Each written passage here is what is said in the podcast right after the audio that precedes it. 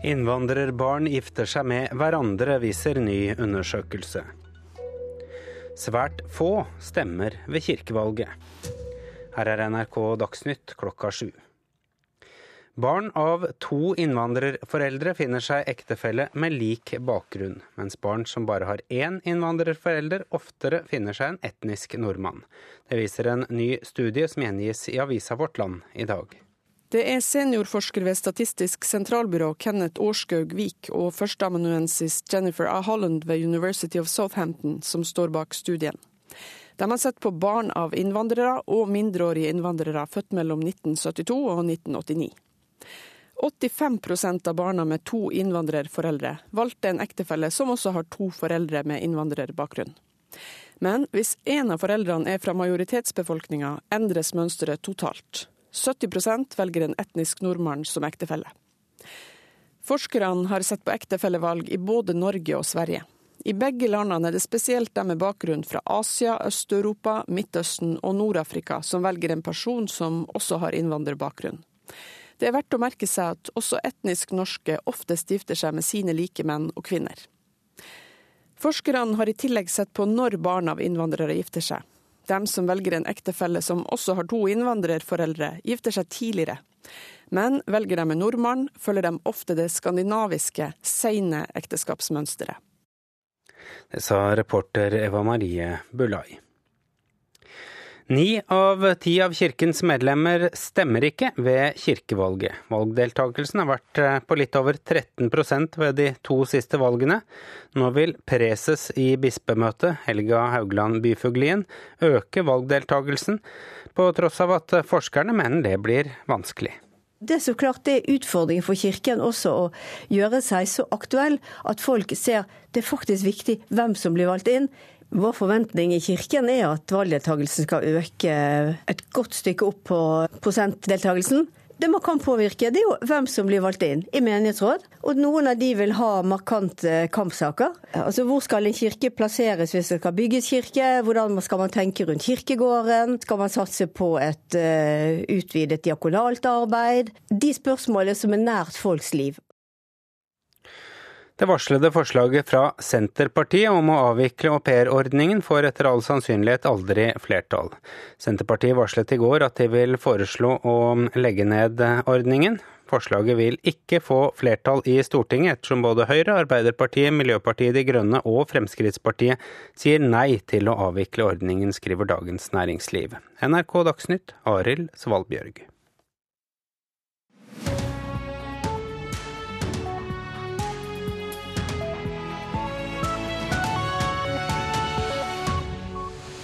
Stadig flere unge tar medisiner mot høyt blodtrykk. Jernbaneverket stenger nok en sommer landets mest trafikkerte togstrekning. Tyrkias statsminister lover økt sikkerhet ved den syriske grensen. Og ni av ti i Den norske kirke stemmer ikke ved kirkevalget, som vi hørte i Dagsnytt. Dette er saker vi går nærmere inn i her i Nyhetsmorgen i NRK, der vi også debatterer agurknyheter og møter pianisten Leif Ove Ansnes i timene frem mot klokken ni. Stadig flere unge mennesker tar altså medisiner mot høyt blodtrykk. Det er i dag 70% flere under 30 år som bruker blodtrykksmedisin enn i 2004. Det viser tall fra Reseptregisteret. Overvekt og diabetes gjør at flere blir satt på denne typen medisiner. Så skal det ligge der, så skal jeg finne blodtrykksapparatet. Som allmennlege måler Sverre Seime ofte blodtrykket på pasienter.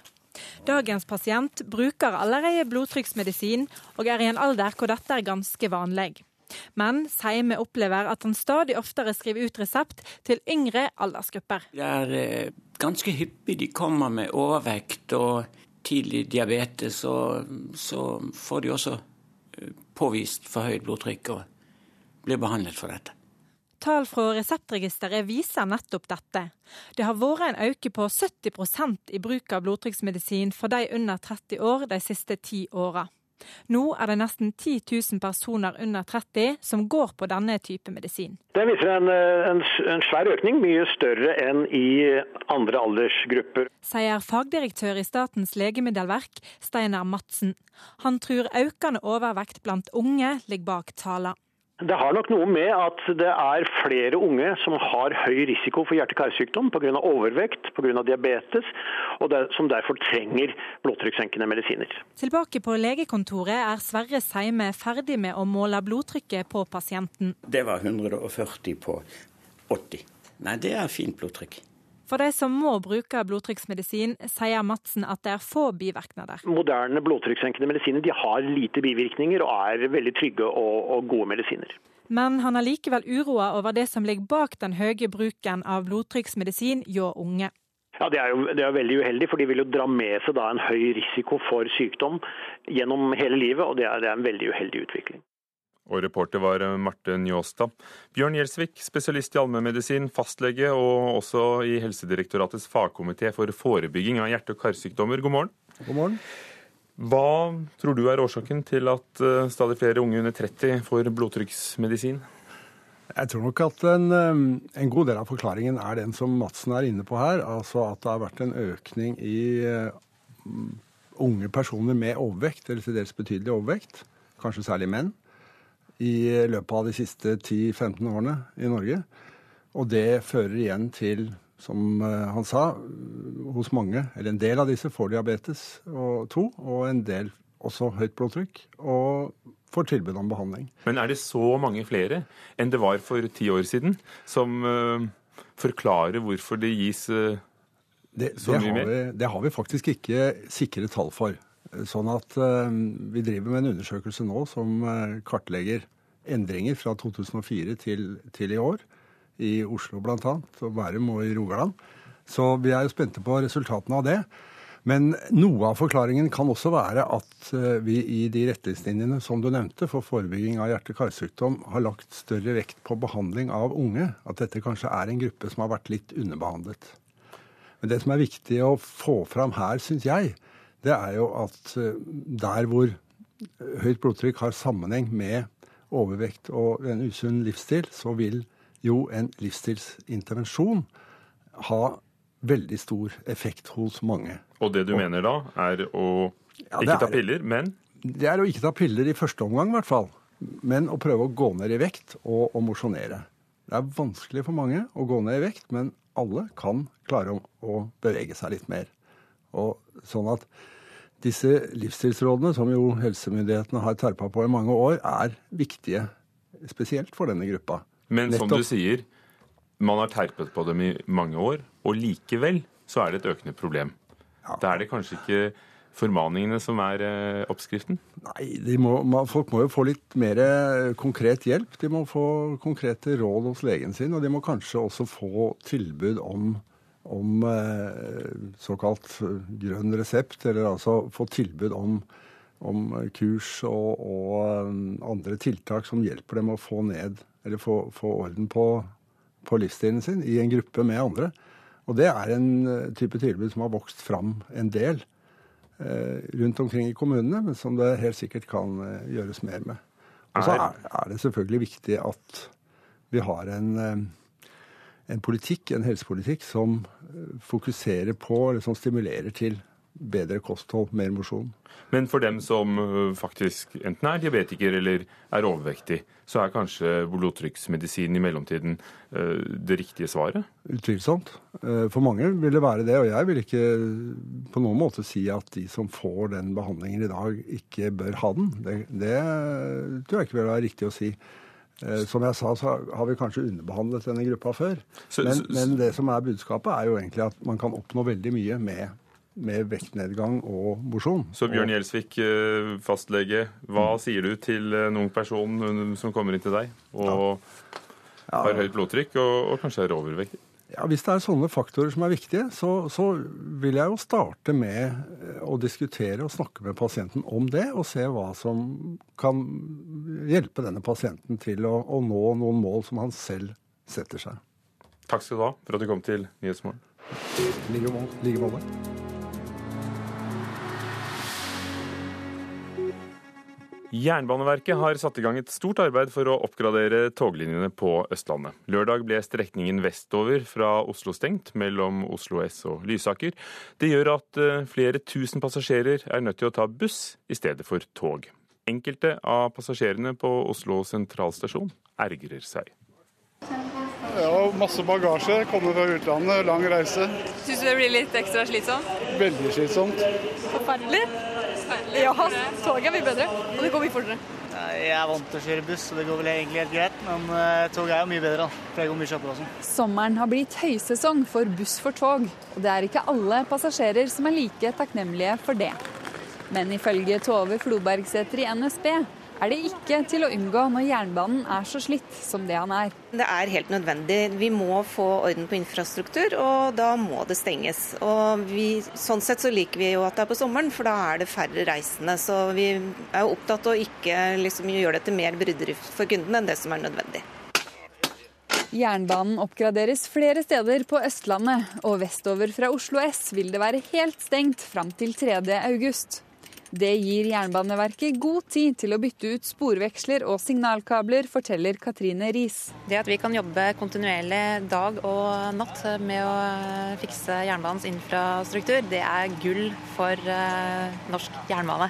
Tidligere så kan vi jobbe kun på nattestid når det ikke kjøres tog. og Da er det begrenset hvor mye vi får gjort, og det tar lang tid å utføre de ulike tiltakene. Mellom 50 og 70 mennesker jobber døgnet rundt ved Skøyen stasjon. Det fører til at enkelte naboer blir plaget av støy. Vi har sendt ut nabovarsler til de som bor nærmest, og de som blir eh, mest eh, utsatt for støy, de får eh, tilbud om alternativ overnatting. Selv om enkelte kanskje syns det er irriterende med byggestøy og buss for tog, er det andre som tar det hele med et smil. Det er helt greit. Ingen problem med det. Nå fikk vi taxi hele veien fordi de hadde ikke bilbanesete i bussen. Så det er helt fantastisk. Fornøyd passasjer, reporter var Randi Midtskog. Vibeke Årnes, områdedirektør for de tyngst trafikkerte jernbanestrekningene på Østlandet. Hvor vil flest passasjerer merke at dere jobber? Nei, Som det ble nevnt i reportasjen her, så er det på strekningen mellom Oslo S og Skøyen. Det er der vi gjør eh, de store, tunge arbeidene i år. Men i tillegg til det så har vi også stengt to spor i Brynsbakken. Østre linje, Østfoldbanens østre linje er stengt. Det stengt to spor på Ski og, og to spor på Gardermoen. Så det foregår arbeider flere steder. Jeg synes vi snakker om dette hver sommer. Eh, blir dere aldri ferdig? Hvor lenge skal dere holde på? Vet du hva, Det å vedlikeholde jernbanen det er noe som vi alltid må gjøre. Og, og det må vi komme til å fortsette med i mange år framover. Men er ikke det en del av den vanlige driften? Kan ikke dette tas underveis? Jeg mener Alle store byer har en mengde tog som trafikkerer, men vi hører sjelden om de stengte tunnelene, sånn som i Oslo? Nei, Strekningen i Oslo og, og, det rundt Oslo S, altså på Oslo S så går det 1000 tog i timen en ordinær dag.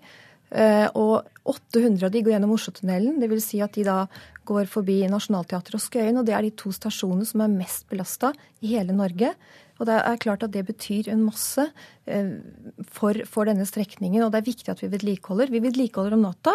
Vi bruker tiden om natten. For det er det mange sier. Kan de ikke gjøre det om natten? Ja, og vi gjør det. Vi bruker tiden om natten hver natt. Men eh, den tiden vi har tilgjengelig på denne strekningen her f.eks. er to-tre timer. Og to-tre timer er ikke mye. Og en del arbeider det er rett og slett for kort tid for å få gjort de arbeidene. Eksempler på det er det vi nå gjør på Skøyen. Der trenger vi mer tid for å få gjort de tyngre arbeidene. Er denne strekningen mer belastet enn de fleste togstrekninger, også hvis vi sammenligner med resten av Europa? Ja, faktisk. Dette er en av de mest belasta strekninger i Europa. Så med to spor, sånn som den strekningen er i dag, så er denne her på, på god linje, eller på høy, på lik linje med mange andre, og jeg vil si mer enn andre steder i Europa. Burde det kanskje vært fire spor? Det kan hende at det burde vært en større kapasitet gjennom Oslo, ja. Eh, i fjor så ble det litt kaotisk. Eh, Østfoldbanen var stengt, eh, og da det skulle i gang igjen, så, så, gikk det ikke helt på skinner, for å bruke det uttrykket. Hvordan tror du det går i år, 3. august? Vi har lært av det som skjedde i fjor. Og vi har snakket, vi jobbet også sammen med Vegvesenet om dette her. Og i år så stenger vi ikke den første uka i august, som av erfaring mange kommer tilbake fra ferie. Så i år så eh, tror vi at dette skal gå veldig bra eh, i avslutningen av bruddet vi regner med at det blir, blir veldig bra. Betyr det at når dere er ferdig for i år, så behøver det ikke stenges til neste år, og togene vil gå presis? Eh, vi, vi, vi, regner med at det går veldig bra i år, og at det ikke vil bli noen problemer. Men vi må også stenge. Det kommer også bli stengninger til neste år. Eh, vi fortsetter vedlikeholdet, eh, og vi bruker sommeren og ferier på det her. Og framover kommer også Follobanen det vil bli stengninger i mange år framover. Sånn er det dessverre. Takk skal du ha, Vibeke Årnes. Vi snakkes igjen om et år. Områdedirektør ved Jernbaneverket.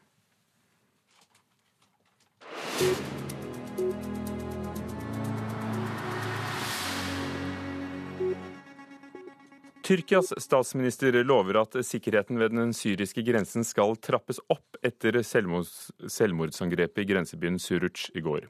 Myndighetene i landet beskylder ekstremistgruppen IS for å stå bak angrepet, som drepte minst 31 mennesker, og får nå kritikk for å ikke ha gjort nok i kampen mot ekstremister.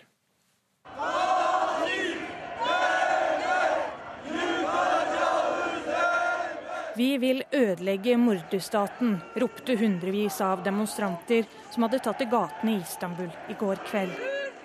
Sinnet er rettet mot ekstremistgruppen IS, som tyrkiske myndigheter beskylder for å stå bak selvmordsangrepet mot et ungdomssenter i den tyrkiske byen Surush i går. Men de protesterer også mot regjeringen, som de mener indirekte støtter ekstremistgruppen. Tyrkia har også blitt kritisert av andre land for å være for passiv i kampen mot IS, bl.a. fordi kurderne er så sterkt engasjert i kampen mot de sunnimuslimske ekstremistene. Tyrkia, som selv kjemper mot en kurdisk separatistbevegelse, ønsker ikke å styrke kurdernes muligheter til å danne sin egen stat langs Tyrkias grenser. Spørsmålet er om den holdningen har endret seg etter det som ser ut til å være det første angrepet ekstremistgruppen har gjennomført i Nato-landet Tyrkia. Daha da artırılarak sürdürülecek ama vi kommer til å trappe opp sikkerheten på grensen til Syria, men våre innbyggere må ta inn over seg at konflikten, ustabiliteten og kampene i regionen også kan påvirke Tyrkias indre sikkerhet, sa statsminister Ahmed Davutoglu. Han lovet at Tyrkia vil straffe de ansvarlige for angrepet, men utdypet imidlertid ikke hva de økte sikkerhetstiltakene innebærer. Minst 31 ble drept i gårsdagens angrep, i tillegg til en rekke skadde. De fleste ofrene var universitetsstudenter som planla en reise til den syriske byen Kobani, som har vært kontrollert av IS inntil januar i år. Planen var å hjelpe til med å gjenoppbygge byen. Sa reporter Silje Herbro Landsverk. Klokken nærmer seg 18 minutter over syv. dører på Nyhetsmorgen i NRK. Hovedsaken i dag. Stadig flere unge mennesker tar medisiner mot høyt blodtrykk. Det er i dag 70% flere under 30 år som bruker blodtrykksmedisin enn for 11 år siden. Som vi hørte, Tyrkia lover økt sikkerhet mot grensen i Syria etter gårsdagens selvmordsangrep. Og oljeprisen faller, og omsider når det også flypassasjerene, som kan få billigere reiser. Og flyselskapene kan tjene mer. Mer om dette senere her i Nyhetsmorgen. Først om kirken og om valget. Ni av ti av medlemmene i Den norske kirke stemmer ikke ved kirkevalget. Åpen folkekirke er en interesseorganisasjon innen kirken som mener at det er et problem. De frykter lav valgdeltagelse vil føre til at kirken blir lite inkluderende, og bare for eliten. Kirken selv har også som mål å øke valgdeltagelsen. Men det blir krevende, mener de som har forsket på det. Kommer dere til å stemme ved kirkevalget nå til høsten? Nei. Hvorfor ikke? Jeg har ikke satt meg inn i det, jeg er ikke så engasjert. Kirkevalget vet jeg nesten ikke hva er for noe. Er du medlem av Den norske kirke? Eh, ja. Men du stemmer ikke? Nei, jeg vet liksom ikke hva jeg skal stemme på. Valgdeltagelsen ved de to siste kirkevalgene har vært på litt over 13% på tross av at årets valg, i likhet med de to foregående, blir avholdt samtidig med politiske valg, er altså ni av ti av kirkens medlemmer sofavelgere. Det er ikke godt nok, sier Helga Haugland Byfuglien, preses i bispemøtet, som vil at flere skal gå og stemme. Vår forventning i kirken er at valgdeltagelsen skal øke et godt stykke opp på prosentdeltagelsen. Det tror jeg blir krevende. Sier professor Ulla Smith ved Århus universitet, som har forsket på hvorfor ikke medlemmene bruker stemmeretten. Så Den viktigste grunnen er simpelthen at man ikke er, er interessert nok, og syns at det er helt i orden at de som er mer interessert enn meg, de skal, skal, stemme om dette. Ja, Det er et problem, så det må vi gjøre noe med. Sier Sturla Stålseth, prest og leder i Åpen folkekirke. De stiller for første gang med egne lister til bispedømmerådsvalgene og kirkemøtet, der de største beslutningene blir tatt. Folkekirkens framtid skal avgjøres nå. Så derfor er dette kanskje det viktigste kirkevalget vi har sett. En kampsak er at homofile og lesbiske skal kunne gifte seg ved alteret. Men det er ett spørsmål blant mange som handler om eh, nettopp å se en inkluderende, romslig kirke i årene som kommer. Er det en kirke som skal være åpen for alle, eller blir det en kirke som blir mer for de spesielt interesserte, for eliten, om du vil? Motsatsen til åpen folkekirke, levende folkekirke, mener at ekteskapet tilhører mann og kvinne. De stiller ikke med egen liste, men anbefaler å krysse av for sine kandidater. Byfuglien er opptatt av at man i kirkevalget også kan påvirke de helt lokale spørsmålene. Det man kan påvirke, det er jo hvem som blir valgt inn i menighetsråd. Og noen av de vil ha markante kampsaker. Altså hvor skal en kirke plasseres hvis det skal bygges kirke? Hvordan skal man tenke rundt kirkegården? Skal man satse på et uh, utvidet diakonalt arbeid? De spørsmålene som er nært folks liv. Listene over kandidatene til landets 1235 menighetsråd og 11 bispedømmeråd ligger på kirkens nettsider og alle over 15 år kan stemme. Men hva skal til for at folk flest skal gjøre nettopp det? Det måtte vel vært en eller annen en frontfigur som virkelig står for gode verdier og snakker om det, og som jeg faktisk da også hører om. Kanskje at kirka er litt sånn ikke så synlig og ikke tydelig nok. Jeg må kanskje skjerpe meg litt da, når valget kommer. Reporter Martin Holvik. Trygve Jorheim, redaktør for Kirkestoffet i Vårt Land. Hva er spesielt med årets kirkevalg? Det spesielle i år er at det er to lister. Det er et reelt valg som det er mulig for eh, hvermannsen å sette seg litt inn i. Sånn at eh, det kan bli noe økt eh, engasjement og deltakelse hvis, hvis man er heldig med hva skal vi si, mediestrømmene og det som settes på dagsorden like før valget. Og de to listene er? De to listene er den som heter Åpen folkekirke, som vi hørte i innslaget her. Det er en liste som da kommer på en måte inn fra siden. Den stiller i ni av elleve bispedømmer. Og så er det da nominasjonskomiteens liste, som høres mye tørrere ut, og som er en mye sånn på navnet, og som er en, da, sammensatt av de som er blitt spurt uh, offisielt i første runde. Men det er to likestilte lister som da skal konkurrere om uh, plassene i det som da kan kalles Kirkens storting, som er kirkemøtet. Og så er det da en stor symbolsak, nemlig homofiles rettigheter innen kirken. Hva betyr det for uh, valget? Kan det få opp tempen? Det kan det få. I forbindelse med kirkemøtet i fjor vår så sa jo kirkemøtet nei til en liturgi slik at homofile kunne gifte seg i kirka. Og det skapte en bølge av Twitter-meldinger og andre utbrudd om at nå skal vi i hvert fall stemme neste år. Det vil jo da være ett og et halvt år siden, eh, på det tidspunktet hvor kirkevalget faktisk finner sted. Så om man har klart å holde den temperaturen oppe, eventuelt skru den opp igjen, det er jo det som gjenstår å se. Og det, det vil jo da avhenge av hva Åpen folkekirke klarer å få til nå framover. Og selvfølgelig også hvilke kommunevalgkampsaker som, som tar mest oppmerksomhet. For likevel hørte vi altså at ni av ti ikke har tenkt å stemme. Hva er din forklaring? Det er den samme forklaringen som de andre stiller. Det er eh, vanskelig å sette seg inn i hva som skjer, og de som ikke er engasjert i det som skjer i kirken, de tenker tradisjonelt at dette kan de som er aktive ta seg av. Og det er jo for så vidt en slags logikk i det. Er ikke det betryggende at da vet du at det er de som virkelig har satt seg inn i sakene, som brenner for det, som, så blir det et slags opplyst fåtallsvelde? Ja, det er det helt klart eh, litt forskjellige meninger om innad i kirken her. Eh, men det som jo ubønnhørlig blir sånn, er at når du kommer på valgdagen og ikke vet eh, noen ting om valget, så har du heller ikke noe, du, har du ikke noe å basere deg på. og Det vil også gjelde politiske valg. Hvis man ikke vet forskjellen på Høyre og Venstre og Frp, så har man jo ikke noe eh, å basere seg på i valglokalet. Sånn er det også i kirkevalget. Man kan ikke henge opp valginformasjon der heller, for det er ikke lov. Så man må sette seg inn i det på forhånd. Og som han eh, sistemann sa i reportasjen her, man må kanskje skjerpe seg litt. Rann.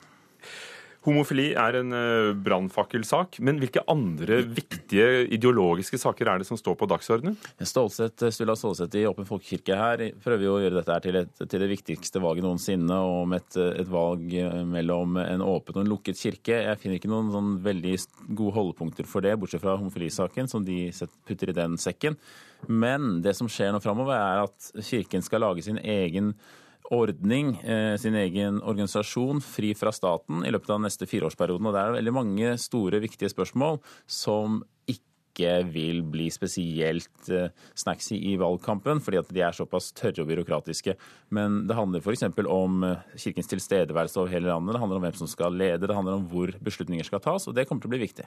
Takk skal du ha, Trygve Jorheim, redaktør for Kirkestoff i Vårt Land.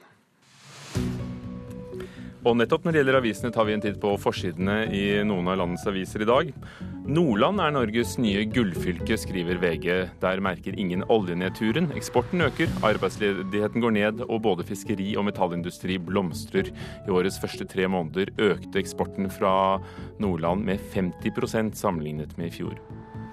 Oljefondet styres ikke til det beste for fremtidige generasjoner, hevder to finansprofessorer i Dagens Næringsliv i dag. De to mener at oljefondet gjør det umulig for eieren, altså Ola Nordmenn, å beregne det reelle resultatet av den aktive forvaltningen, eh, etter å ha regnet ut hva det koster å forvalte.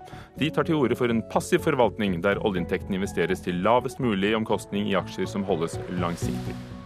Dagsavisen. Lokalpolitikere sier nei til tusenvis av nye boliger. boliger. Direktøren i Selvåg bolig, landets nest største boligbygger, sier de kunne bygd tusenvis av flere boliger, men at lokalpolitikerne er redde for befolkningen, spesielt i valgår. Ingen vil ha nye naboer, er hans påstand. Og nettopp i Tromsø kjøper utbyggere kremtomter på Kvaløya i påvente av byggetillatelse, skriver Nordlys.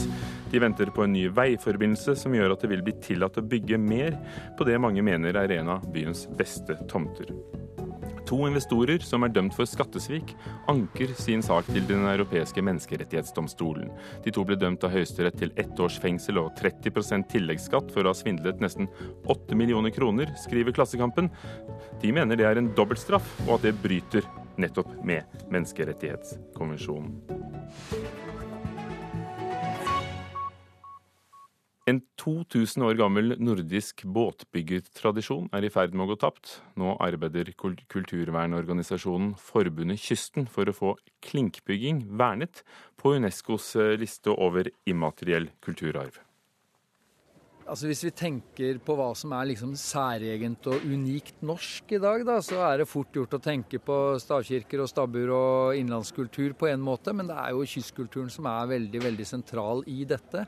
Og, og denne livsformen som har vært langs hele kysten her, er helt utenkelig uten disse båtene. Terje Planke foreleser i friluftsliv på Høgskolen i Telemark, er engasjert på Norsk Folkemuseum og Norsk Maritimt Museum. Han har lenge skrevet om og forsket på båtbygging, og den siste tiden har en helt spesiell teknikk stått på agendaen. Det er klinkbåtbyggingen. Da ligger de med en sånn overlapp så bordene ligger litt oppå hverandre. Omtrent som når man kler en vegg med kledning, kan du si. Og, og denne livsformen som har vært langs hele kysten her, er helt utenkelig uten disse båtene til alt hverdagslivet. Ikke bare i fiske, men også som et gårdsredskap og som en del av all kommunikasjon og handel og all virksomhet. Planke samarbeider nå med forbundet Kysten, som ønsker å verne klinkbåttradisjonens mange sider. Tore Friis Olsen i forbundet jobber med en søknad til Unesco, og håper slik å kunne redde det han mener er viktig kunnskap. Vi har jo nesten 2000 år lang tradisjon, hvor vikingskipene er jo si, også et ledd i denne lange rekken fram til, eh, til, vårt århundre hvor, eh, hvor, eh, hvor mye av kunnskapen er i ferd med å gå tapt. Forbundet Kysten jobber jo da med å videreføre denne tradisjonen med da friluftsliv som veldig, kanskje den viktigste arenaen for bruk av disse båtene. Og vi ønsker å søke nordisk klinkbåttradisjon inn på Unescos liste over menneskehetens immaterielle kulturarv. Også Planke legger vekt på det som ikke er fysisk ved tradisjonen. Han frykter at om vi lar kunnskapen bak og om båtene gå tapt, er det liten trøst i at selve båtene overlever. Det må jo leves ut. Vi må ro og seile. Og hvis ingen ror og seiler i dag og i morgen og i overmorgen, så er det faktisk ingen som er i stand til å tolke alle disse museumsgjenstandene eller alle disse gamle kildene om 100 år. Da. Vi må ut og ro. Vi må seile og få fram denne kunnskapen. Og søknaden om klinkbåtebyggetradisjonen skal til Unesco i 2017. Da skal den legges frem. Reporter var Christian Dugstad. Det er ny debatt om revejakten i Storbritannia. Denne gangen handler det ikke om eh, revens ve og vel, men om politikk. Om hvor mye innflytelse skottene skal få på englenderne. Det blir det mer om her i Nyhetsmorgen etter Dagsnytt. Nå er klokken straks halv åtte.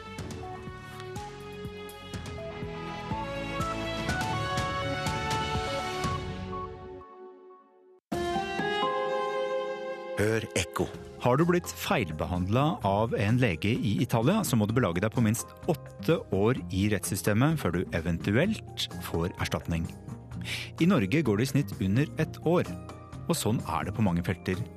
Det kan vi takke nemndene for. Om det særnordiske fenomenet nemnder i Ekko etter Dagsnytt klokka ni. En time ekko i hele sommer mellom klokka ni og ti i NRK P2. Mange flere unge enn før får blodtrykksmedisiner fra legen. Tyrkiske myndigheter får kraftig kritikk for ikke å ha tatt trusselen fra IS alvorlig nok. Og en kraftig beruset bilist ringte selv politiet og varslet at han kjørte i fylla i natt. Her er NRK Dagsnytt klokka 7.30.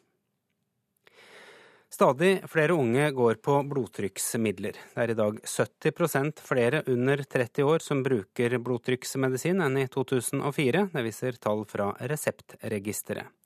Overvekt og diabetes gjør at flere blir satt på denne type medisiner. Så skal det ligge der, så skal jeg finne blodtrykksapparatet. Som allmennlege måler Sverre Seime ofte blodtrykket på pasienter. Dagens pasient bruker allerede blodtrykksmedisin, og er i en alder hvor dette er ganske vanlig.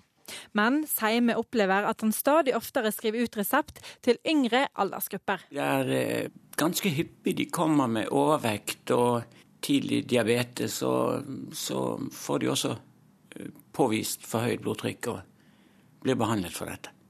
Tall fra Reseptregisteret viser nettopp dette.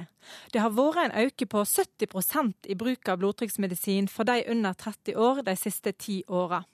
Nå er det nesten 10 000 personer under 30 som går på denne type medisin. Det viser en, en, en svær økning, mye større enn i andre aldersgrupper. Sier fagdirektør i Statens legemiddelverk, Steinar Madsen. Han tror økende overvekt blant unge ligger bak tallene. Det har nok noe med at det er flere unge som har høy risiko for hjerte-karsykdom pga. overvekt, pga. diabetes, og det, som derfor trenger blodtrykkssenkende medisiner. For de som må bruke blodtrykksmedisin, sier Madsen at det er få bivirkninger. Moderne blodtrykkssenkende medisiner de har lite bivirkninger og er veldig trygge og, og gode medisiner. Men han er likevel uroa over det som ligger bak den høye bruken av blodtrykksmedisin hjå unge. Ja, Det er jo det er veldig uheldig, for de vil jo dra med seg da en høy risiko for sykdom gjennom hele livet, og det er, det er en veldig uheldig utvikling. Reporter her, Marte Njåstad. Og mm, Bjørn Gjelsvik, du er spesialist i allmennmedisin og, og fastlege. Eh, er det problematisk at det er blitt så mange flere som tar disse medisinene? Ja, på den måten at det er jo uttrykk for at eh, det er en del unge mennesker, og, og antageligvis da flere i løpet av det siste tiåret som har fått en økt risiko for hjerte-karsykdom, som viser seg gjennom da, et høyt blodtrykk. Hva kan folk gjøre selv for å redusere den risikoen? Det er viktig å si at det er ganske mye de kan gjøre. Altså de som uh, uansett på en måte uh, Årsaken til det høye blodtrykket Hos mange så henger det jo sammen med, med overvekt og inaktivitet. Så er det jo noe med å ta tak i den livsstilen. Det kan være vanskelig, men uh, det er viktig å sette seg noen konkrete mål i samarbeid med legen eller med andre rådgivere som man har, og prøve å komme i gang med mosjon og, og, og kostreduksjon, og framfor alt selvfølgelig slutte å røyke hvis man gjør det. Men har vi ikke blitt flinkere til å trene? Jo, på mange måter har vi det. Og det vil være interessant å se om den trenden vi har hatt de siste 10-15 årene med en økende antall som får overvekt og diabetes 2 nå begynner å flate ut. Det vet vi ikke ennå. Men, men mange, vi ser jo at det er mange som, som, trener, og det er en veldig bra utvikling. Men det er fortsatt veldig mange som ikke klarer det. Ja. Takk skal du ha, Bjørn Gjelsvik. Flere tusen passasjerer må ta buss i stedet for tog når Jernbaneverket nå har startet arbeidet med å oppgradere toglinjene på Østlandet. Lørdag ble strekningen vestover fra Oslo stengt. Ikke alle passasjerer er like glade for å måtte ta bussen. Ja, masse bagasje. Kommer fra utlandet, lang reise. Syns du det blir litt ekstra slitsomt? Veldig slitsomt. Forferdelig. Ja, toget er mye bedre, og det går mye fortere. Sommeren har blitt høysesong for buss for tog, og det er ikke alle passasjerer som er like takknemlige for det. Men ifølge Tove Flobergsæter i NSB er det ikke til å unngå når jernbanen er så slitt som det han er. Det er helt nødvendig. Vi må få orden på infrastruktur, og da må det stenges. Og vi, sånn sett så liker vi jo at det er på sommeren, for da er det færre reisende. Så vi er opptatt av å ikke liksom gjøre det til mer bryderi for kundene enn det som er nødvendig. Jernbanen oppgraderes flere steder på Østlandet, og vestover fra Oslo S vil det være helt stengt fram til 3. august. Det gir Jernbaneverket god tid til å bytte ut sporveksler og signalkabler, forteller Katrine Riis. Det at vi kan jobbe kontinuerlig dag og natt med å fikse jernbanens infrastruktur, det er gull for eh, norsk jernbane. Tidligere så kan vi jobbe kun på nattestid når det ikke kjøres tog. Og da er det begrenset hvor mye vi får gjort, og det tar lang tid å utføre de ulike tiltakene. Reporter Randi Elise Midtskog. Ni av ti av kirkens medlemmer stemmer ikke ved kirkevalget. Åpen folkekirke mener det er et problem, og frykter lav valgdeltakelse vil gjøre kirken ekskluderende. Kirken selv har også som mål å øke valgdeltakelsen, men det blir krevende, mener forskere. Kommer dere til å stemme ved kirkevalget nå til høsten? Nei. Hvorfor ikke? Jeg har ikke satt meg inn i det, jeg er ikke så engasjert. Kirkevalget vet jeg nesten ikke hva er for noe. Er du medlem av Den norske kirke? Eh, ja. Men du stemmer ikke? Nei, jeg vet liksom ikke hva jeg skal stemme på. Valgdeltagelsen ved de to siste kirkevalgene har vært på litt over 13 På tross av at årets valg, i likhet med de to foregående, blir avholdt samtidig med politiske valg, er altså ni av ti av kirkens medlemmer sofavelgere. Det er ikke godt nok. Sier Helga Haugland Byfuglien, preses i bispemøtet, som vil at flere skal gå og stemme. Vår forventning i kirken er at valgdeltagelsen skal øke et godt stykke opp på prosentdeltagelsen. Det tror jeg blir krevende. Sier professor Ulla Smith ved Århus universitet, som har forsket på hvorfor ikke medlemmene bruker stemmeretten. Så Den viktigste grunnen er simpelthen at man ikke er, er interessert nok, og syns at det er helt i orden at de som er mer interessert enn meg, de skal, skal stemme om dette. Det man kan påvirke, det er jo hvem som blir valgt inn i menighetsråd. Og noen av de vil ha markante kampsaker. Altså Hvor skal en kirke plasseres hvis det skal bygges kirke? Hvordan skal man tenke rundt kirkegården? Skal man satse på et uh, utvidet diakonalt arbeid? Åpen folkekirke stiller for første gang med egne lister til bispedømmerådsvalget, og kampsaken er at homofile skal få gifte seg i kirken, sier leder Sturla Stålseth. Men det er ett spørsmål blant mange som handler om er det en kirke som skal være åpen for alle, eller blir det en kirke som blir mer for de spesielt interesserte, for eliten om du vil. Reporter Martin Holvik. Tyrkias statsminister lover at sikkerheten ved den syriske grensa skal trappes opp etter selvmordsangrepet i grensebyen Soruc i går. Myndighetene i landet beskylder ekstremistgruppa IS for å stå bak angrepet, som drepte minst 31 mennesker, og de får nå kritikk for ikke å ha gjort nok i kampen mot ekstremistene. Sınırda alınacak tedbirlere gelince bunlar daha da artırılarak sürdürülecek ama Vi kommer til å trappe opp sikkerheten på grensen til Syria, men våre innbyggere må ta inn over seg at konflikten, ustabiliteten og kampene i regionen også kan påvirke Tyrkias indre sikkerhet, sa landets statsminister Ahmed Davutolgu. Han lover å ta de skyldige for selvmordsangrepet som drepte minst 31 i den tyrkiske byen Suruj i går, men utdypet ikke hva de økte sikkerhetstiltakene innebærer. Myndighetene beskylder ekstremistgruppen IS for å stå bak, og møter nå kritikk for ikke å ha gjort nok i kampen mot ekstremistene. Tyrkia har unngått en aktiv rolle i kampen mot IS, i frykt for at det skal styrke kurdernes mulighet til å danne en egen stat i grenseområdene mellom Syria, Irak og Tyrkia. Spørsmålet er om den holdningen har endret seg etter det som ser ut til å være det første angrepet ekstremistgruppen har gjennomført i Nato-landet Tyrkia. Sa reporter Silje Herbro Landsverk. Over 2700 personer fikk innvilget ønske om å sone med elektronisk fotlenke i fjor. Det er en kraftig økning fra oppstarten i 2008. Totalt var det snaut 5000 straffedømte som ønsket å sone med fotlenke i fjor, skriver Bergens Tidende. Politiet fikk i natt telefon om en promillekjører som var på vei mot Oslo fra Østfold på E18. Flere patruljer ble sendt ut, men først da han hadde krasjet bilen i en husvegg inne i Oslo sentrum, fikk politiet tak i mannen. Det spesielle var at det var promillekjøreren selv som ringte politiet fra bilen, sier operasjonsleder Finn Belle i Oslo-politiet. Jeg har aldri vært borti at det er noen som ringer og sier at faktisk de driver og kjører i Brudisa tilstand. Jeg har vært borti at de sier det de, etter at de har gjort det, men han ringte jo faktisk mens han satt i bilen. Det har jeg aldri vært borti før. Sa Finn Belle i Oslo-politiet. Ansvarlig for Dagsnytt Kjartan Røslett. Teknisk ansvarlig Guri Hertzberg Finnsveen. Her i studio Arild Svalbjørg.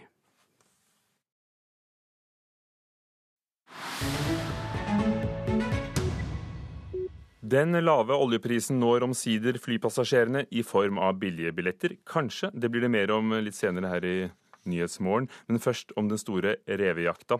Nok en gang har revejakt havnet på toppen av den politiske dagsordenen i Storbritannia.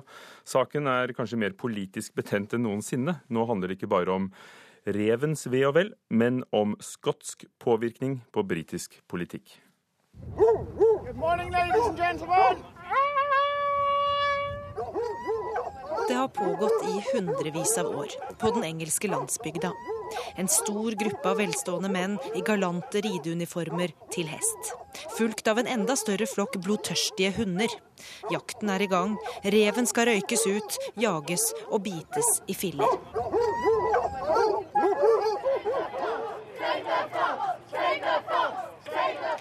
Omtrent like lenge som revejakta har pågått i Storbritannia, har dyrevernere vært imot. Og selv om tradisjonell revejakt ble forbudt i Storbritannia for ti år siden, har ikke protestene stilnet. Sist uke var plassen utenfor det britiske parlamentet full av demonstranter i revekostymer med slagord om å redde reven og slåss for dens rettigheter. For revejakta er igjen blitt et hett politisk tema i britisk politikk. Den konservative statsministeren David Cameron foreslår nemlig å lette på det ti år gamle forbudet som ble innført av Labour-regjeringen da. Dagens regler gjør at revejakt med hunder kun kan brukes der det ikke jaktes på en ekte rev, bare lukten av rev. Eller hvis hensikten er å fjerne rev som skadedyr, da har man lov til å bruke maks to hunder. Cameron og det konservative partiet vil åpne for å kunne bruke et ubegrenset antall hunder i slike tilfeller. Dette forslaget skulle parlamentet ha stemt over i forrige uke.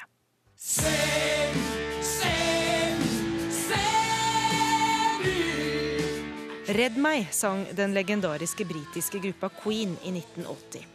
Om det var reven komponist og gitarist Brian May tenkte på da, er uklart. Men i senere år har han blitt en iherdig og velkjent dyreverner i Storbritannia. Han sto i spissen for aktivistene foran parlamentet som fnøs av David Camerons lovforslag. The, the, business of rushing this through and control.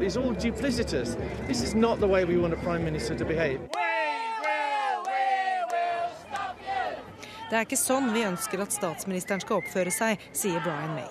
Men det var ikke hans kritikk og engasjement som førte til at Cameron utsatte debatten og avstemningen over revejaktforslaget.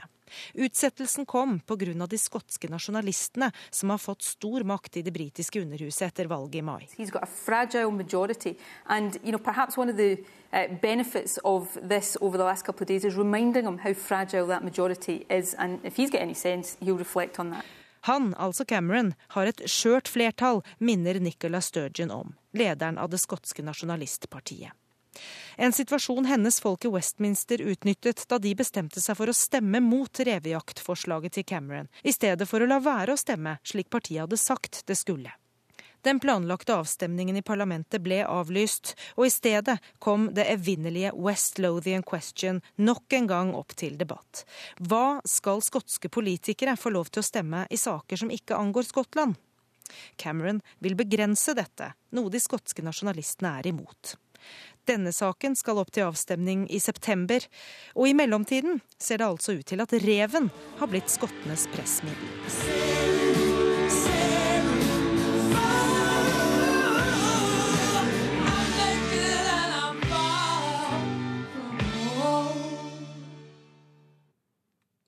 Og reporter her var eh, Gry Blekastad Almås. Og til slutt hørte vi jo Queen og Brian May med 'Save Me'.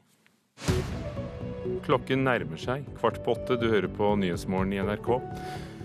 10 000 unge får blodtrykksmedisiner pga. diabetes og overvekt. Det er bedre å legge om livsstilen, sa en fastlege her i Nyhetsmorgen. Tyrkiske myndigheter får kraftig kritikk for ikke å ha tatt trusselen fra terrorgruppen IS alvorlig nok. Og oljeprisene faller, og snart kan flypassasjerene få billigere billetter. Det skal vi snart høre mer om i Nyhetsmorgen.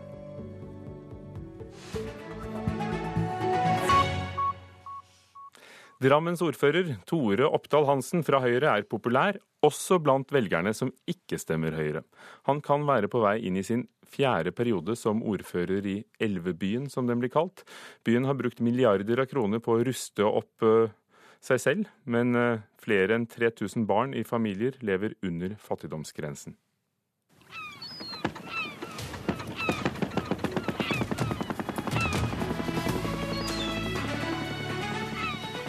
Politisk sommerintervju i Nyhetsmorgen.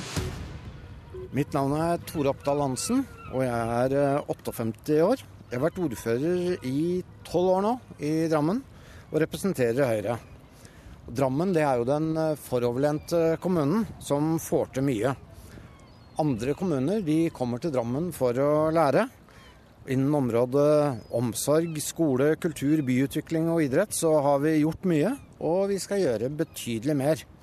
Ja, Vi skal rett og slett gjøre Drammen til en by som du kan bli enda mer stolt av. Tore Oppdal Hansen, nå sitter vi ved Ypsilon i Drammen. Den nye gangbrua som nesten har blitt symbolet på byutviklinga de siste åra. Hvordan oppleves det å sitte her en varm sommerdag? Ja, Det er deilig. Og her på Grønland, som vi sitter nå, så er jo det en bydel som er i full transformasjon. I 2000 så var det noen gamle papirfabrikker her, og nå i 2015 så ser du hvordan bydelen har blitt, med nye arbeidsplasser, med Kunnskapsparken, med nye boliger. Du kan si Vi startet med å, å rense den elva som renner forbi her. Den var grusom. Det var kloakk som rant rett ut. Så det var jo ikke noe båtliv på Drammen på 80-tallet. Og, og, i hvert fall ikke noe bading? Nei, og i hvert fall ikke noe bading. Så vi tok og brukte ti år på å rense elven. Fra midten av 80- til midten av 90-tallet. Og på begynnelsen av 90-tallet så lagde vi en djerv plan for å bygge elvepark i Drammen. Og siden den gang så har vi bygd 14 km og ca. 400 mål. Et kjempeløft. Og det har bidratt til at uh, områdene rundt elven har blitt som de har blitt. Et attraktivt sted for uh, mennesker. Og det kan vel ikke Høyre ta æra for helt alene, i hvert fall? Ja, Grovt sett så har det vært tverrpolitisk enighet uh, om byutviklingen. Det har vært noen enkeltavstemninger hvor vi ikke har vært samstemt, men stort sett så har det vært bred enighet. Og sånn som det er i Drammen per i dag, så trenger dere jo strengt tatt ikke å være samstemte. Etter valget i 2011 så, så sa du at du var stolt og ydmyk, for da hadde Høyre fått 49,7% av alle stemmene i Drammen. Dere fikk rent flertall. Hvordan opplevde du det? Det opplevde jeg som en enorm tillitserklæring fra byens innbyggere. Men selv om vi fikk et rent flertall, så har vi samarbeida både med Fremskrittspartiet, Kristelig Folkeparti og Venstre i denne perioden. For vi syns det er viktig å ha et solid flertall bak det vi gjør i Drammen. Så vi valgte det. Ja, Det er vel mange som mener at dere kanskje tenker litt taktisk òg, og at dere kan få bruk for de partiene i større grad seinere? Det er første perioden vi har hatt rent flertall, så det er klart at du skal tenke lenger enn en fireårsperiode når du driver med politikk. Og det var helt naturlig for oss. Vi har samarbeida med Kristelig Folkeparti, Venstre og Fremskrittspartiet gjennom mange år. Og vi, det var helt naturlig for oss å fortsette det gode samarbeidet vi har hatt. Hvor går de politiske skillelinjene hen i politikken i Drammen? Det skal bli spennende å se nå f.eks. For i forhold til eiendomsskatt. Det å trekke inn flere penger til kommunen som kommunen kan bruke. Jeg ser at to av de partiene som Arbeiderpartiet satser på å samarbeide med, nemlig SV og Drammen byliste, de går inn for eiendomsskatt. Så der har du et skille. Det er uaktuelt med deg som ordfører? Det er fullstendig uaktuelt. Den avviklet vi på 90-tallet, og det er ikke noe grunn til å, å gjeninnføre den i Drammen. Men du er også ordfører i en kommune hvor eh, kommunens egne tall viser at det er minst 3000 barn som lever i familier under fattigdomsgrensa. Er det de som betaler regninga for all byutviklinga? Nei, det er det ikke. Og dessverre er det sånn at eh, det antallet stiger. Og årsaken til det er at det er flere fattige familier som flytter til Drammen. Og veien ut av fattigdom, det er arbeid. Og gjerne for begge i husholdningen. Så derfor så legger vi veldig vekt på det. Og vi prøver også å gjøre si, hverdagen litt eh, lettere eh, for de fattige familiene. Så i Drammen så er det faktisk sånn at eh, alle som tjener mindre enn 400 000 får gratis barnehageplass. Men likevel så stiger altså tallet? Det gjør det. Hva vil du gjøre med det? Nei, altså Vi kan ikke sette opp noen mur rundt Drammen, og det ønsker vi heller ikke å gjøre. Men vi må jobbe aktivt med at både de som er her, og som da går under definisjonen fattige, og de som eh, kommer tilflyttende hit, at de kommer ut i arbeid. Du, hvis du ser bort på bruenden der, så sitter det en tigger. Hva syns du om det? Nei, Det syns jeg er en veldig vanskelig sak. Og det viser vel det at uh, det beste hadde vært om vi hadde hjulpet dem uh, der de bor. Og jeg tror det er en uh, dårlig løsning å tro at vi kan løse fattigdomsproblemer i Europa og for så vidt i verden her i Drammen sa Drammens ordfører og Høyres førstekandidat Tore Oppdal Hansen intervjuet av Anders Nilsen. Det kan bli billigere å fly. Det siste året er oljeprisene nesten halvert, og flyselskapene betaler mindre for drivstoff. Til nå har SAS tjent lite på de lave oljeprisene pga. en svak krone og lange, dyre prisavtaler på flybensin. Men nå går disse avtalene ut, og finansdirektør i SAS Gøran Jansson utelukker ikke at flybillettene dermed blir billigere. Ja, visst om det holder i seg, om, sen, om også våre valutaer forsterkes, så kan det jo bli det, självklart. Hvis krona blir sterkere mot dollar, så kan det altså bli aktuelt å senke prisene for SAS, forteller finansdirektøren i det skandinaviske flyselskapet. Selv om oljeprisen altså har falt kraftig, og det ser ut til at den vil holde seg lav, så har dollaren blitt om lag 30% dyrere. Flybensin og mye annet må betales med dollar. Det motsvares dessverre av andre kostnader vi har i dollar, typ at flyplanen leases i dollar, og alle reservdeler betales i dollar. Så netto så blir ikke effekten så stor. Og i tillegg sikrer SAS seg mot brå svingninger i oljeprisen ved å inngå lengre kontrakter på mesteparten av flybensin, slik at de til nå har betalt gammel pris, men nå går mange av disse kontraktene ut. Norwegian har sikra mye mindre av sitt drivstoffbehov. Det betyr at de har fått større gevinst på oljeprisfallet enn sin konkurrent. We are launching routes from uh, Washington DC, Baltimore, det var ikke noen i Norwegians ledelse som kunne stille til intervju nå, men dette var Bjørn Kjos i USA for et par uker siden. Lansering av nye ruter derfra og til karibiske øyer. Um,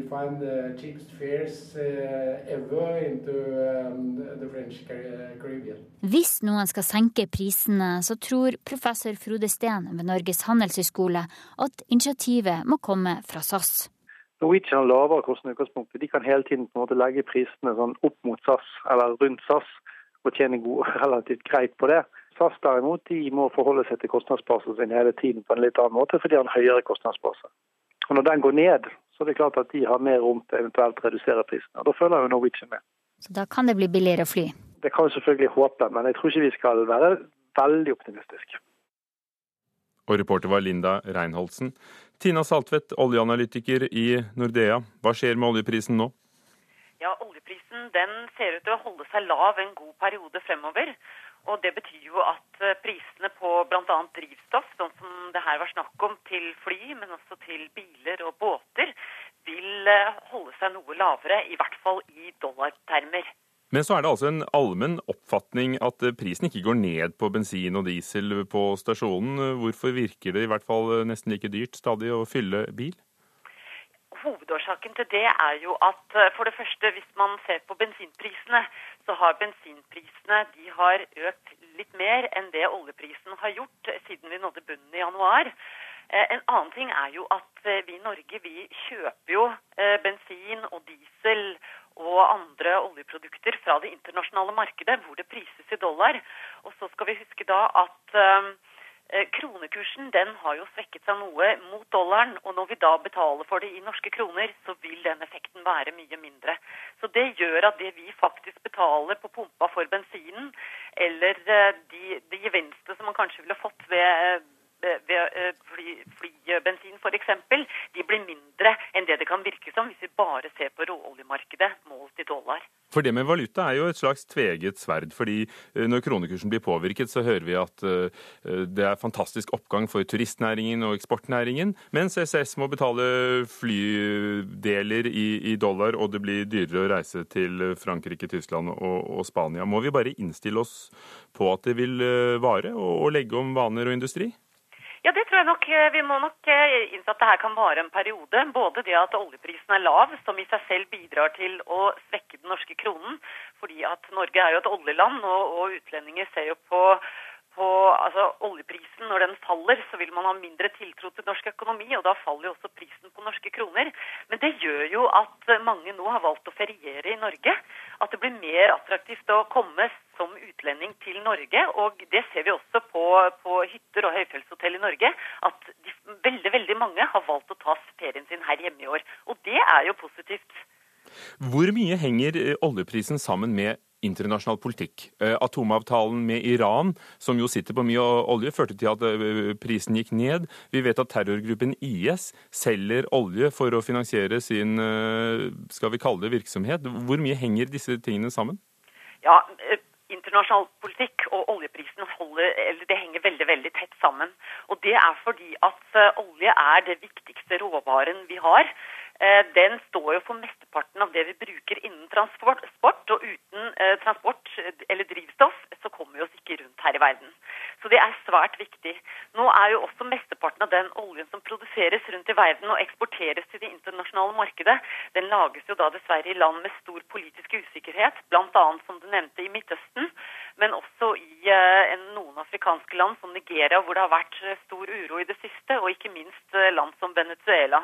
Og Det gjør at når det er så stor usikkerhet rundt produksjonen og hvem som faktisk sitter på, på kontrollen av disse oljekildene, så gjør det også at det påvirker produksjon, eller sikkerhet med produksjon, og dermed også oljeprisen. Og Det har vi sett mange eksempler av, spesielt etter den arabiske våren. Tina Saltvedt, det betyr altså at den holder seg høy, lav? Det gjør at for øyeblikket så er det veldig mye olje i markedet. Det flyter over med olje i markedet, og det henger sammen med at OPEC, dette kartellet som styrer litt i overkant av 30% av verdens oljeproduksjon, de har valgt å pøse olje ut i markedet. Nå I tillegg så ser vi at Iran etter hvert vil komme inn med mer olje. og Det gjør at utfordringen for norske oljeprodusenter blir enda større, fordi at nå vil oljeprisen holde seg lav over en lengre periode. Takk, Tina Saltvedt, oljeanalytiker i Nordea. Vi må stoppe der, for vi skal se på værmeldingen. Fjellet i Sør-Norge får regn, først i sør, utover ettermiddagen vestlig bris, enkelte regnbyger. Østlandet fra i formiddag regn, senere regnbyger, lettere mot kvelden. Telemark regn, etter hvert regnbyger, utover ettermiddagen vestlig bris og etter hvert lettere vær. Agder regn og regnbyger. I ettermiddag dreiende vestlig, etter hvert stort sett opphold og perioder med sol. Rogaland ventes sørøstlig liten kuling utsatte steder. Regn fra i ettermiddag sørøst opp i sørvest opp i frisk bris, enkelte regnbyger i indre strøk. Perioder med sol i ytre strøk. Hordaland og Sogn og Fjordane får begge regn, senere regnbyger. Møre og Romsdal tilskyende, oppholdsvær, regn i kveld enkelte byger. Trøndelag tilskyende oppholdsvær, fra ettermiddag regn og regnbyger først i sør, utrygt for torden. I Nordland ventes enkelte regnbyger, vesentlig indre strøk, ellers opphold og en del sol. Troms skiftende bris fra ettermiddag nordlig nordøstlig liten kuling på kysten. I indre strøk enkelte regnbyger, ellers opphold og en del sol. Og Finnmark nordlig bris på kysten i vest nordøstlig opp i liten kuling. Enkelte regnbyger på vidda og i Øst-Finnmark, ellers oppholdsvær og litt sol. Nordensjøland på Spitsbergen opphold og perioder med sol. Og så ser vi på temperaturene, som ble målt for en time siden. Svalbard lufthavn 9 grader, Kirkenes 8, Vardø 7, Alta 11, Tromsø 9, Bodø 10, Brønnøysund 10, Trondheim 10, Molde 12, Bergen 11, Stavanger 11, Kristiansand 11, Gardermoen 12, Lillehammer 13, Røros 9, og på Blindern i Oslo var, den, var det 14 grader klokken 7 i dag tidlig.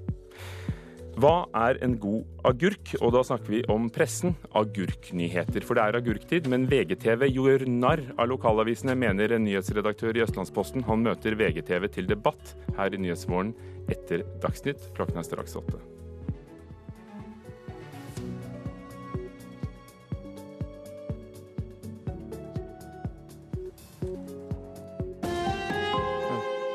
Hør ekko. Har du blitt feilbehandla av en lege i Italia, så må du belage deg på minst åtte år i rettssystemet før du eventuelt får erstatning. I Norge går det i snitt under ett år, og sånn er det på mange felter. Det kan vi takke nemndene for. Om det særnordiske fenomenet nemnder i Ekko etter Dagsnytt klokka ni. En time ekko.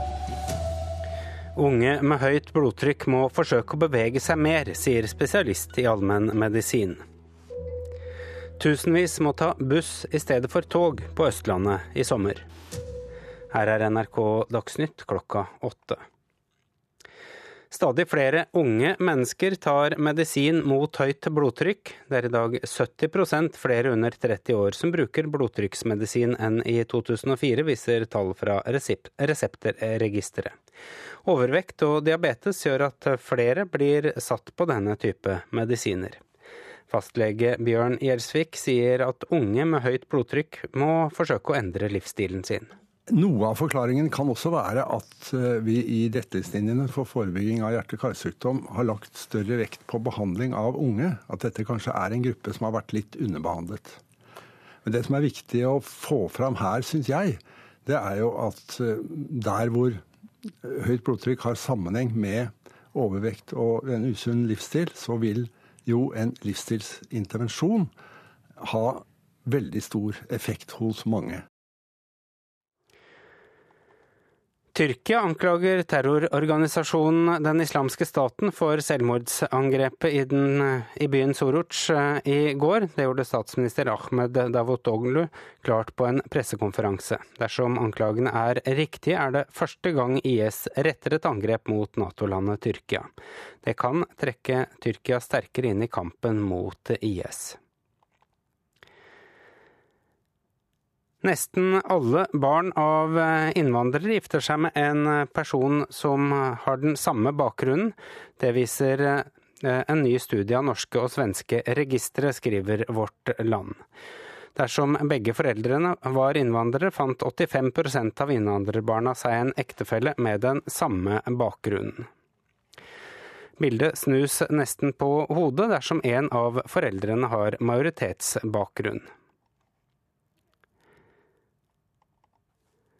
Toglinjene på Østlandet rustes opp, og mange tusen togpassasjerer blir dermed henvist til buss for tog. Eh, jernbanen er slitt, og NSB er nødt til å sette flytte passasjerene over på buss, sier Tove Flobergsæter i NSB. Det er helt nødvendig. Vi må få orden på infrastruktur, og da må det stenges. Og vi, sånn sett så liker vi jo at det er på sommeren, for da er det færre reisende. Så vi er opptatt av å ikke liksom gjøre det til mer bruderift for kundene enn det som er nødvendig. Det sa altså Tove Flobergsæter i NSB. Det var NRK Dagsnytt i studio nå, Arild Svalbjørg.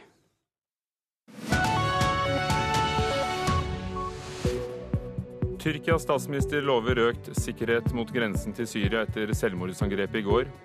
Mange utstillinger om terroren 22.07 har skapt debatt. I morgen åpner informasjonssenteret nettopp i den bombeskadde Høyblokken. VGTV fornærmer lokalavisene i Agurknytt-spalte. Det er god lokaljournalistikk de angriper, sier redaktør og møter VGTV til debatt. Leif Ove Ansnes avslutter fire års arbeider med Beethoven i Bodø i kveld, før han reiser til Royal Albert Hall i London, og han kommer til Nyhetsmorgen. Tyrkias statsminister lover at sikkerheten ved den syriske grensen skal trappes opp etter selvmordsangrepet i grensebyen Suruc i går. Myndighetene i landet beskylder eh, terrororganisasjonen IS for å stå bak angrepet, som drepte minst 31 mennesker. Og myndighetene får også nå kritikk for ikke å ha gjort nok i sin kamp mot ekstremisme.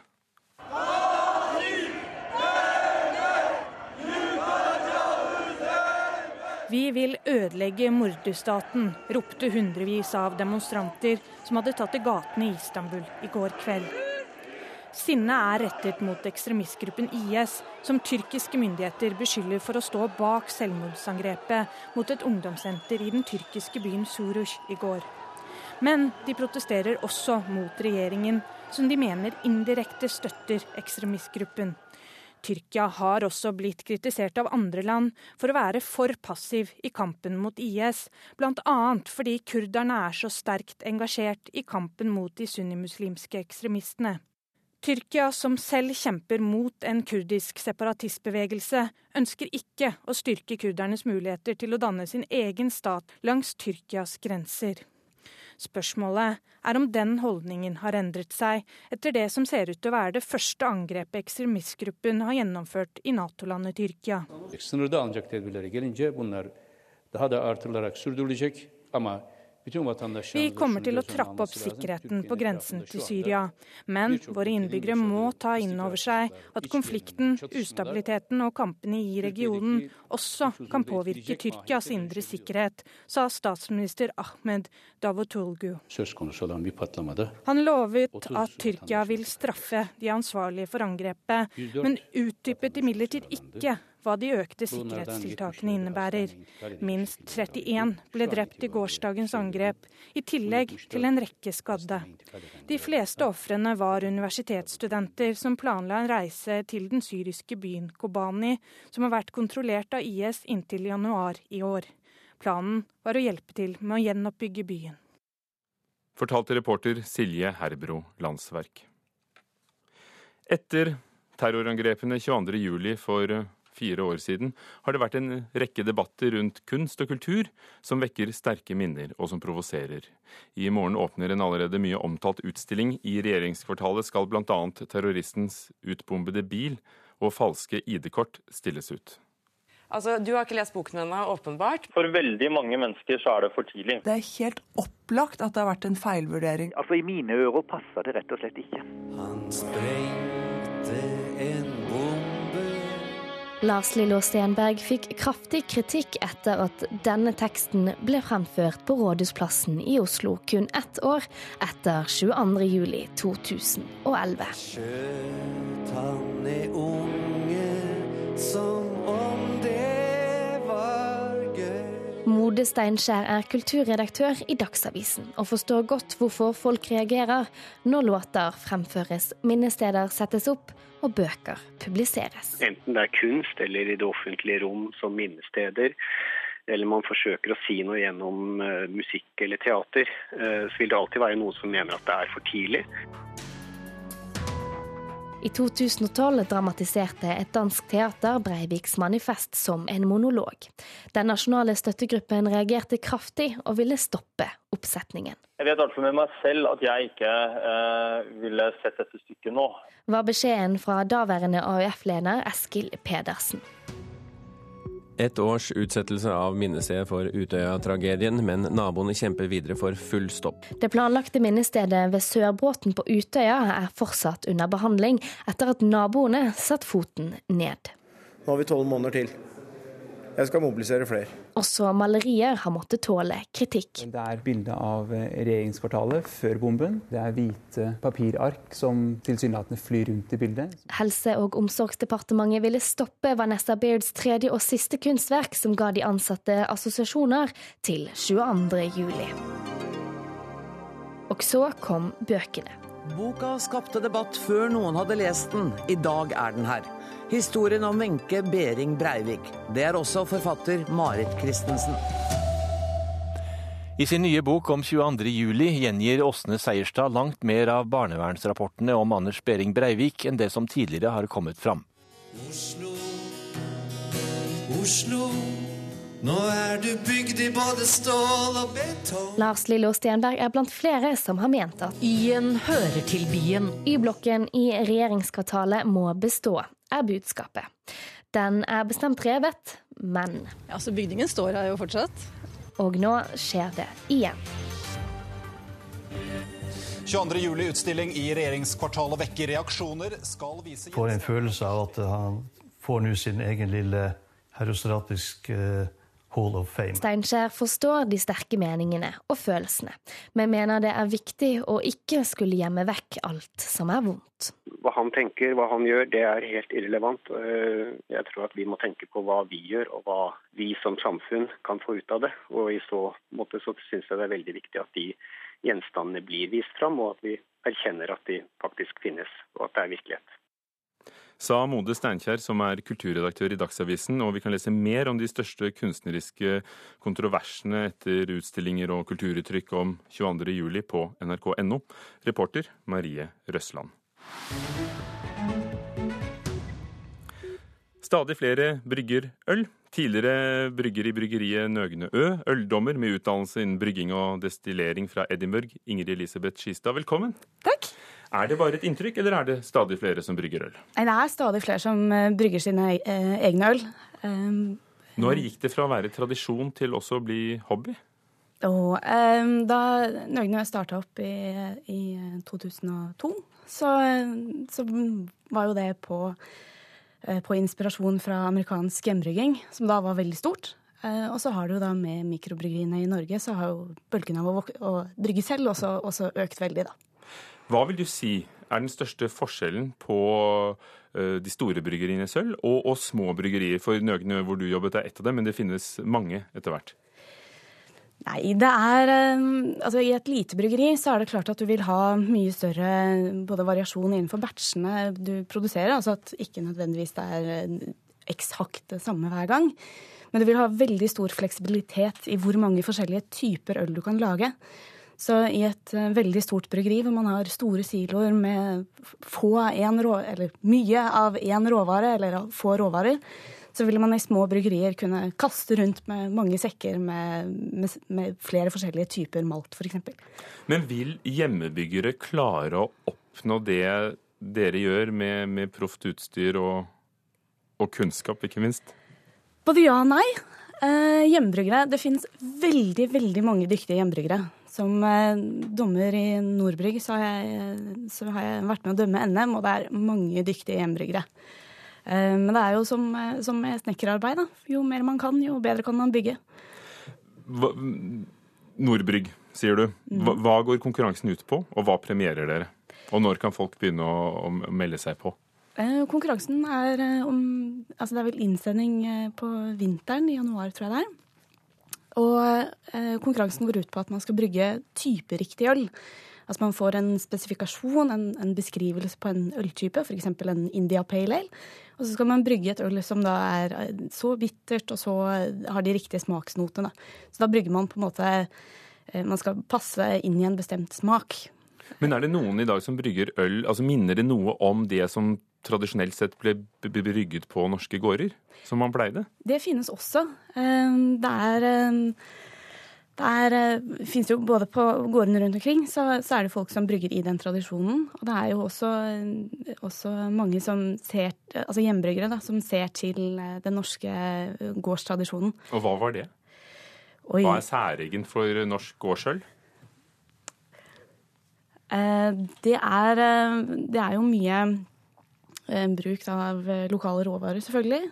Eh, og så har vi jo i Stjørdal f.eks. så er det jo Stjørdalsmalten som er orerøkt, som, som, da blir spesiell.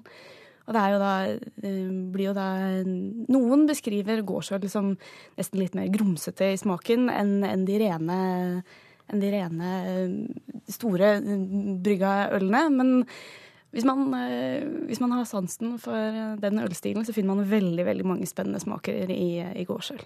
Handler ølbrygging om kjemi eller kjærlighet? Oh, begge deler. Kjemi er kjærlighet. Takk skal du ha, Ingrid Elisabeth uh, Skistad. Ditt siste råd til hjemmebryggere? Brygg rent. Alltid. Du hører på Nyhetsmorgen i NRK. Klokken nærmer seg 14 minutter over åtte. Hovedsakene i dag. Stadig flere unge mennesker tar medisiner mot høyt blodtrykk. 70% flere under 30 år bruker blodtrykksmedisin i dag i forhold til for ti år siden. Oljeprisen faller og vil nok holde seg lav, sier oljeanalytiker Tina Saltvedt. Flyselskapet SS sier at det kan føre til lavere priser. Og ni av ti av medlemmene i Den norske kirke stemmer ikke ved kirkevalget. Enda det er et avgjørende valg, sier mange innen kirken. VGTV har avlevert pinlige spark mot lokalavisene i programmet Gurknytt, mener en av avisredaktørene på Østlandet. Og sånn hørtes det ut da programleder Nora Torp Bjørnstad presenterte Agurknyhetene. Hei og velkommen til denne sendinga hvor vi skal servere deg ikke-nyheter på løpende bånd. Og her får du noen av ukas beste. Coop har fått et nytt strøk maling på Kronstad utenfor Alta. I Sola i Tromsø så drikker folk øl. VGTV er slett ikke alene om å leke seg med agurknyheter.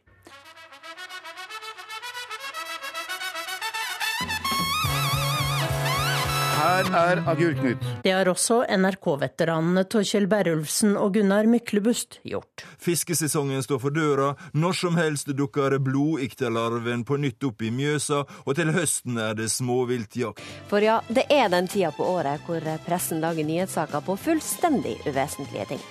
Noen hater det, vi i Agurknytt elsker det. Og reporter blant Agurknyhetene var Tone Staude.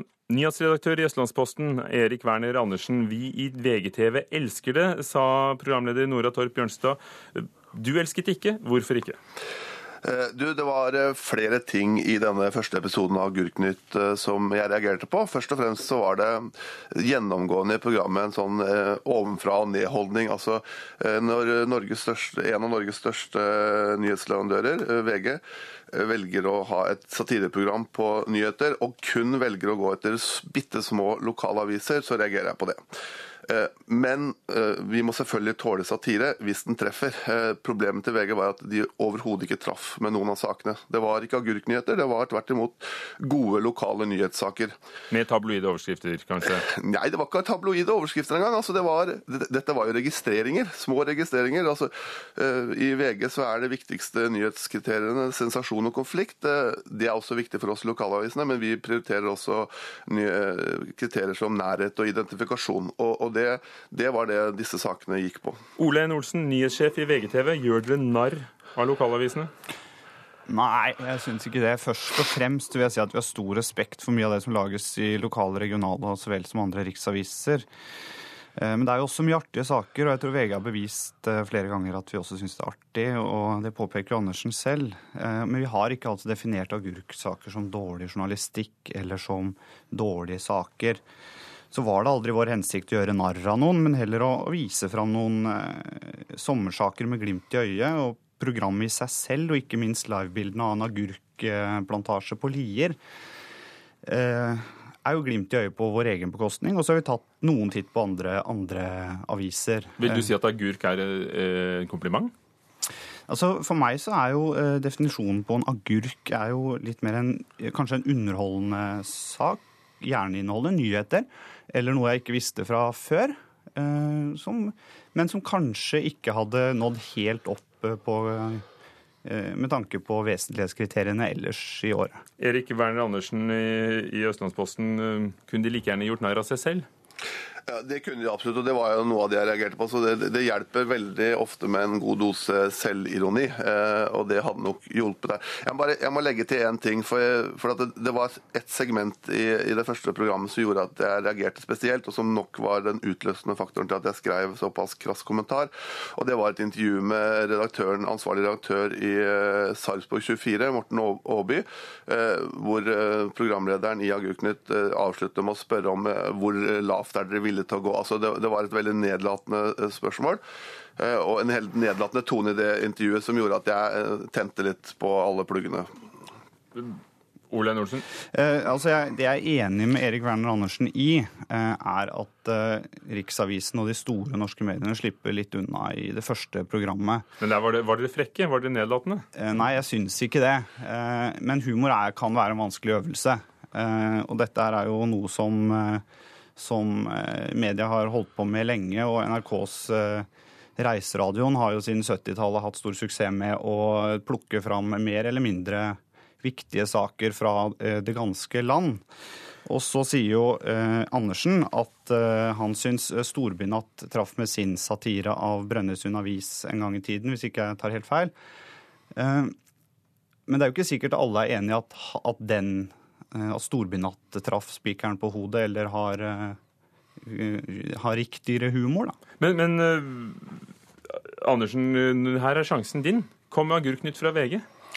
Ja, altså, nei, altså, det, Jeg valgte jo i den saken, og det var kanskje det jeg vurderte mest på før jeg skrev, om jeg skulle gå etter VG. og Jeg velger å ramse opp en del agurknytt i VG. VG og, ja, jeg gjør det. Nei, men altså, jeg syns altså, Jeg er for å skrive underholdningsnyheter som VG gjør, og jeg syns det er helt ålreit at de har mange saker som ikke er viktige på forsida. Eh, poenget er at det, det, det virka som de ikke var i stand til å se det i det første programmet. Eh, program nummer to har jeg sett, og der er der er man mer VG har masse uvesentlige nyheter om kjendiser spesielt. Eh, Paradise eh, par som går fra hverandre. Eh, en eh, sanger fra Amerika som har slikka på en donut, eh, var, har ligget på forsida i jeg tror nesten fire-fem dager. Sånn at det, og De eksemplene er utallige. Men jeg er ikke spesielt kritisk til at VG har underholdningsnyheter, for det er en vesentlig del av det oppdraget vårt, det også. Du, du, du nevner altså bl.a., siden ikke du vil si det selv, trikset som får brunfargen til å vare. Beklager donut, donutslikking. Sienna Miller er singel. Uh, Bikinityveri i, i Paris. Det er vel agurk god nok, eh, Olsen? Ja, det trenger ikke være agurksak engang. Det er Underholdningsnytt og Rampelysnyheter som vi selvfølgelig vil levere i VG. Eh, og vi har heller ikke definert verken agurksaker eller underholdningsnyheter som dårlig journalistikk, og vi står for at vi lager det selv også. Eh, og jeg vil si at, at Andersens kollega i A-presse, Eide Rana Blad, sier det jo ganske godt i sin kommentar, da, som ble publisert etter Andersens eh, første innlegg. Eh, hun sier bl.a. at for det første består VGs redaksjon av en rekke bønder hentet fra lokalavisene. For det andre så vet de utmerket godt at agurksaker det lager de best selv. Og så er jeg enig med Andersen i det poenget at første episode av våre agurknyheter ikke inneholdt så veldig mye innhold fra våre egne saker eller fra lignende mediers saker. Men episode to, som Erik eh, sier, inneholdt det, og den var allerede påbegynt da han skrev sin kommentar. Så vi var allerede i gang med å ta oss selv litt også. Erik Werner Andersen, hva er en, eh, en god agurksak? For det hender vel at det dumper til å være en i Østlandsposten også? Du, Det gjør det absolutt, men eh, det kommer jo an på hva du mener med god agurksak. Det er det jeg spør deg om. ja, i, om det er i negativ eller positiv forstand. Eh, jeg syns jo vi ofte om sommeren, altså i mangel på politikere som kommer med utspill og byråkrater som har ferie, så, kom, så er vi flinkere til å leite etter de små sakene. Noen ganger bommer vi når vi gjør en uvesentlighet til en vesentlighet, og noen ganger så finner vi de gode historiene. I fjor så hadde vi en slager i i Østlandposten hvor eh, en mann hadde mista gitaren sin på nachspiel. Det er fullstendig uvesentlig, men eh, folk elska den historien. Og når han til slutt fikk gitaren sin igjen, så blei det eh, prikken over i-en. Det er den gode agurksaken som vi leiter etter om sommeren. Og er det ikke det Ole N. Olsen, som gjør at vi kan få de gode sakene frem? Fordi listen er litt lavere. Vi skal ha en sak litt senere i sendingen om at den kalde sommeren gir lengre blomstring. Hadde aldri nådd opp ellers? Jeg syns jo det, og jeg syns det bare er bra at vi har mulighet til å lage litt sånne saker innimellom. Det er mer enn nok eh, tragiske nyheter. Eh, og som jeg sier, altså, vi er ikke, jeg er ikke uenig med, med Werner Andersen i at, eh, at vi burde hatt mer fra vår egen eh, redaksjon. Vi følger med på VGTV. Takk skal du ha, nyhetsredaktør eh, der, Ole N. Olsen. Og takk til nyhetsredaktøren i Østlandsposten, Erik Werner Andersen. Og derfra skal vi gå over til musikk. For hver tirsdag anbefaler musikkjennere fra NRK sin favoritt-sommermusikk. I dag musikkprodusent i NRK P1 og musikkanmelder fra programmet Norsk på norsk, Finn Ulrik Berntsen. Og Finn Ulrik, vi begynner med det nyeste. Vi begynner eh, i Bergen, eh, Rassika, med et ungt band som har holdt på siden 2011, men som har rukket å gi ut eh, tre plater. Og den siste kom tidlig i våres, og heter Ut til de andre. Og fra den har jeg valgt Om igjen, som er den nyeste singelen som akkurat er sluppet. Og dette er et et uh, ungt band, som sagt, som har um, fått sving på sakene. Jeg så dem akkurat i, uh, under Bergenfest, og det var veldig, veldig fine saker. Og her er det De har gått litt vekk fra den ska-tilnærmingen de hadde før. Og nå er det mye surfpop i låtene deres, og det passer veldig, veldig bra eh, nå i sommer. Så mm, jeg har valgt meg om igjen som første eksempel på en fin sommerlåt fra en fin plate. Du trodde at jeg var så sikker på meg selv, men jeg er kjøresvak, og jeg skjelver hver eneste kveld. Kan du aldri gjennomskue meg? Hvem er jeg når jeg ikke kan stå alene? Hvem er jeg når jeg ikke stoler på meg selv?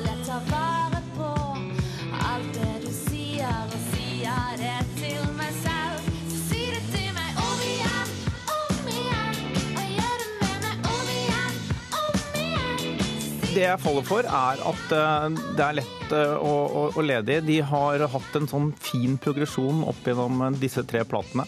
Og den siste her var jeg veldig begeistra for når den kom, og er fortsatt det. Og som sagt, det er noe det, det, var kult når de spilte ska, og det er kult når de spiller surfpop. De har alle hatt et brudd siden sist. Og, og det gjenspeiler også tekstene på plata. Og det mm, Nei, dette er fine greier. Men hvordan tenker du når du eh, legger opp musikk som skal spilles om sommeren i eh, NRK P1 da? Der er det veldig enkelt. Vi har noen sånne ordentlige klassikere, eh, som den vi skal høre til slutt i dag, eh, for eksempel. Eh, så er det jo sånn Hovedøen må med, det er sommer, det er sol og, og sånne ting. Og så tenker man man tar de store sommerhitene fra de forskjellige epokene, og så blander man det fint, og så blir det veldig sommer i hele P1. Hva er da det neste av det nye som du har tatt med til oss? Det er en veldig veldig fersk plate eh, fra et band som eh, jeg syns eh, har hatt en oppadgående kurve fra 2003. Og det som skjedde med dette bandet i 2003, var at det kom inn to nye mennesker. Jørn Christensen og, um, og Per Vestaby. Og vi snakker selvfølgelig om CC Cowboys. Jeg liker å bevege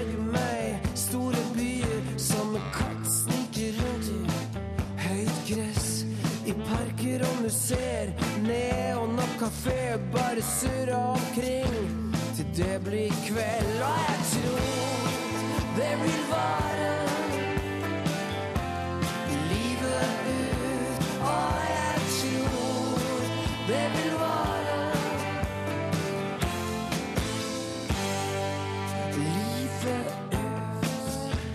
Denne her har nettopp kommet. Den er så ny at denne her har jeg ikke rukket å anmelde i Under lupen ennå. Så denne her eh, kommer i en anmeldelse rett over sommeren. Hva føler du at du kommer til å si? Jeg føler at jeg kommer til å være positiv. Så mye kan vi si. Uh, uten at vi skal gi noe terningkast her nå. Uh, men dette er, uh, dette er fine greier. De har Jeg syns spesielt tekstene til Magnus Grønberg har tatt seg opp siden 2003. Han, han har vært i det sjiktet at han har lagd gode poplåter, rockelåter, men har hatt litt sånn høye skuldre på, på tekstene. Jeg syns at han har um, litt lavere skuldre på tekstene. Denne blant annet uh, lukter jo litt sommer av, men handler om gleden ved å bli eldre, Uh, som noen og hver kan sette pris på. Du nevnte så vidt i sted. Du har tatt med en klassiker. Jeg er spent på, på hva det er. Ja, Uh, jeg er født i 69 eh, og vokste opp på 70-tallet. Um, Og da husker jeg at bilferie var det store. Eh, Jeg husker spesielt eh, at jeg satt bakerst i en liten boble sammen med min lillebror. Eh, Og Åge Aleksandersen, Hold kjeft, spis is handler veldig akkurat om alt det jeg husker.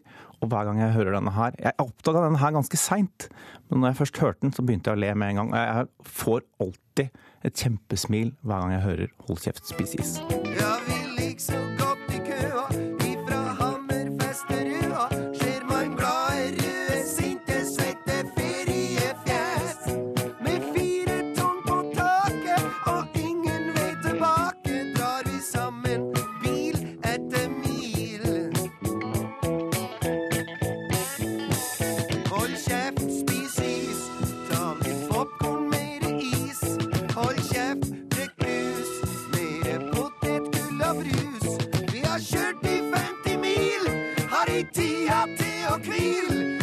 slåss da mer nå. Far og kule